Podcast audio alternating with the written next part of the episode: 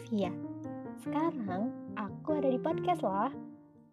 Hmm, sebenarnya sih sedikit bosan dengan sosial media lainnya dan ingin mencoba hal baru gitu.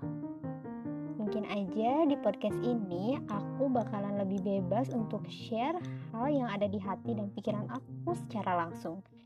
Baik itu tentang buku, journaling, kesehatan, atau hal yang lainnya yang mau aku bagi sama kalian. Dengerin podcast aku terus ya. Terima kasih teman-teman.